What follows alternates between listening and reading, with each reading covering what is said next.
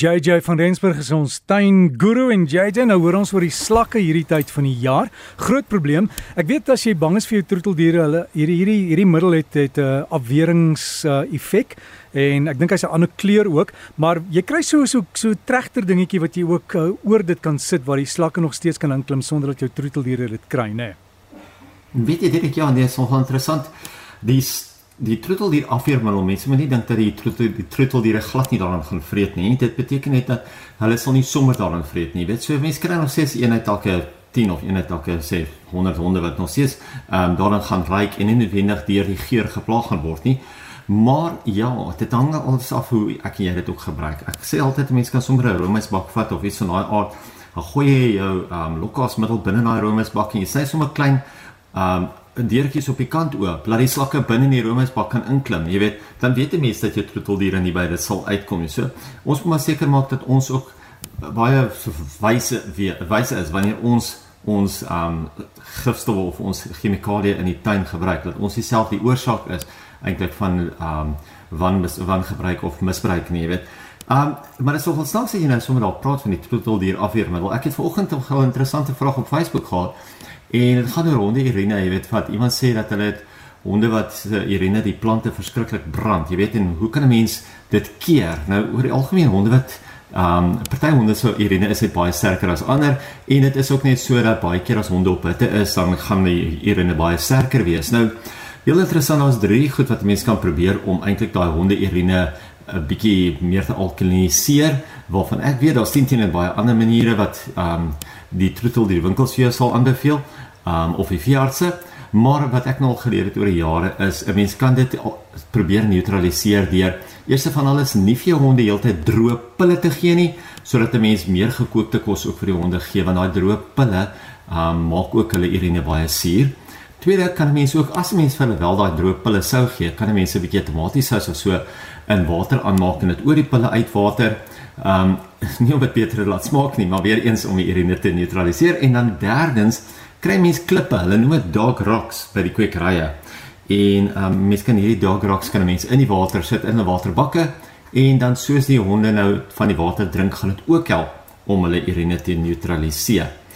'n Tweede vraag wat ek ook gehad het is onkruide. Jy weet, hoe kan 'n mens van onkruide ontslaa raak in die tuin? En ek dink die groot probleem waarmee mense sit is Eerste van alles moet mense kyk waar is die onkruide? Is dit in die tuin self of is dit op die plaveisel? So kan 'n mens 'n algemene onkruiddoder gebruik, ietsie wat natuurlik oor die plaveisel uitgespuit kan word soos 'n kleurpyp of so, of moet mense selektiewe onkruiddoder op jou grasperk gebruik wat byvoorbeeld 'n versus of een van daai sal wees. Maar die groot of die belangrike faktor met onkruide in die tuin is 'n mens moet dit baie gereeld doen. Want as jy dit los, laat jy sê, ehm um, dit te lank los wat hulle saad geskiet het en weer opkom, Uh jy weet gaan jy eintlik nooit regtig agter die kap van die bel kom nie. Gaan jy nooit regtig agter die probleem kan kom nie. So of bo op die probleem kan kom nie. So mens moet probeer om dit gereeld te doen sodat jy eerder daai onkruide kan um uit verwyder of uithaal of doodmaak voordat hulle enigstens sou saad skiet. En dit is maar beste om altyd die hele onkruid dood te maak of uit te trek. Nie net om af te kap nie, want ongelukkig gaan hy net twee keer so sterk weer uitgroei. So ja, twee interessante vrae wat ek nou gehad het. Een was oor die honde Irina en dan die ander Irina natuurlik oor die onkruide. Dink ek val sommer nou weg met ons program hier. So ek weet jy vra altyd vir my wat doen ons nou hierdie tyd van die jaar in die tuin? So mense maak altyd nuwejaarsvoornemens en dit hou baie keer nie baie lank nie. Maar dit is nou baie goeie tyd om terug te kyk na jou tuin van laas jaar, wat gewerk het en wat nie. Skryf neer watter plante waar in jou tuin gegroei het of mooi gegroei het en mooi geblom het. Watter groentes het gewerk en watter bolle jy mees suksesvol was. Dan begin jy met jou jaarlikse beplanning oor wat wanneer en waar geplant moet word. Veral nou terwyl almal se somersaailinge so groei so, so pragtig groei en mooi blom, is dit eintlik die lekkerste om rond te loop, te identifiseer en kennis te neem daarvan. Maak bietjie jou tuinkalender 'n prioriteit vir jou nuwe jaar of vir jou in die nuwe jaar. Gaan ook na jou kwekery toe en gaan kyk bietjie watter nuwe plante, nuwe variëteite is daar so deesdae beskikbaar en gewoonlik sal die kwekery ook hierdie daar van die plante en van die nuwe variëteite vol en blom hê dat 'n mens mooi kan sien hoe hulle lyk en hoe hulle in jou tuin ook kan pas. Gaan gesels sommer 'n bietjie daar met een van die tuinboukundiges. Is lekker om 'n lewendige boom as kersboom te gebruik en baie mense vat ook sommer enige boom, versier hom in die huis en ongelukkig lyk die boom nou na Kersfees nie meer so mooi soos wat hy eintlik gelyk het toe jy hom in die huis gesit het nie.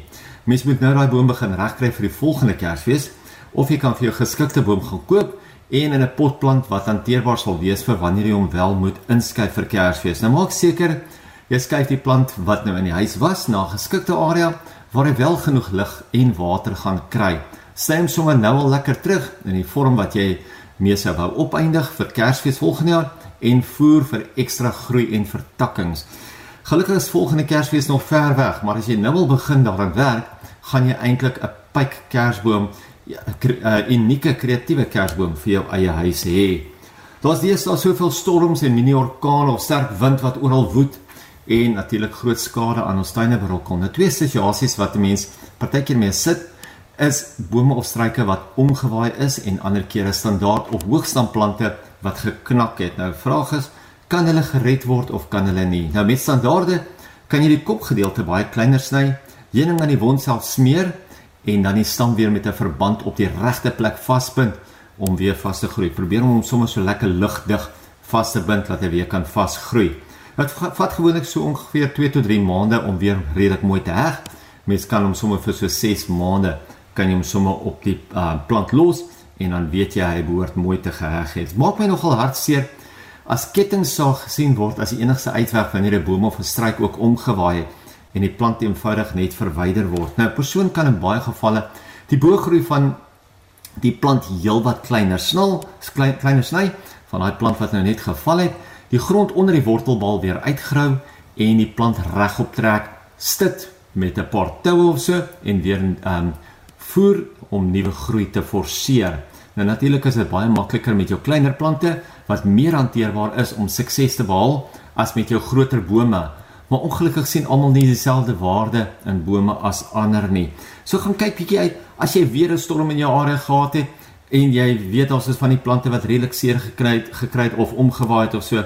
Probeer eerder om hulle te red, probeer eerder om hulle 'n tweede kans te gee. Sny hulle lekker terug, trek hulle regop, gooi goed nat en voer vir daai wortels vir ekstra nuwe wortels en sodat jou plant dit ook kan maak. Ons plant van die week is die Abelia Lemon and Lime. Nou ek het onlangs gepraat van kleurvolle loof en ja, baie hou daarvan om die geel loof in hulle tuine te hê, maar ongelukkig is baie van die geel loofplante nie koue bestand nie of hulle is bladwisselend, wat beteken hulle verloor hulle blare in die winter. Nou Abelia Lemon and Lime is wel koue en ryp bestand. Hy kan vol son tot semi-skaduwee hanteer. Hoe meer son, hoe geeler word die loof en kan so om en by 1.5 meter hoog word en natuurlik 1.5 meter wyd groei. Die bielies is ook waterwys as hulle eers gevestig is, wat dit natuurlik dan 'n waterwyse plant maak en jy kan uitmuntende heining of interessante vorm met die lemon and lime snoei. Gaan so gaan vra bietjie by die kwekery, gaan kyk hoe pragtig is die Abelia lemon and lime. Ons gaan so maak JJ voorspoed en vrede vir jou vir 'n goeie jaar ook, né? Daar sê baie dankie Derek, dankie vir jou ook en natuurlik vir al ons luisteraars.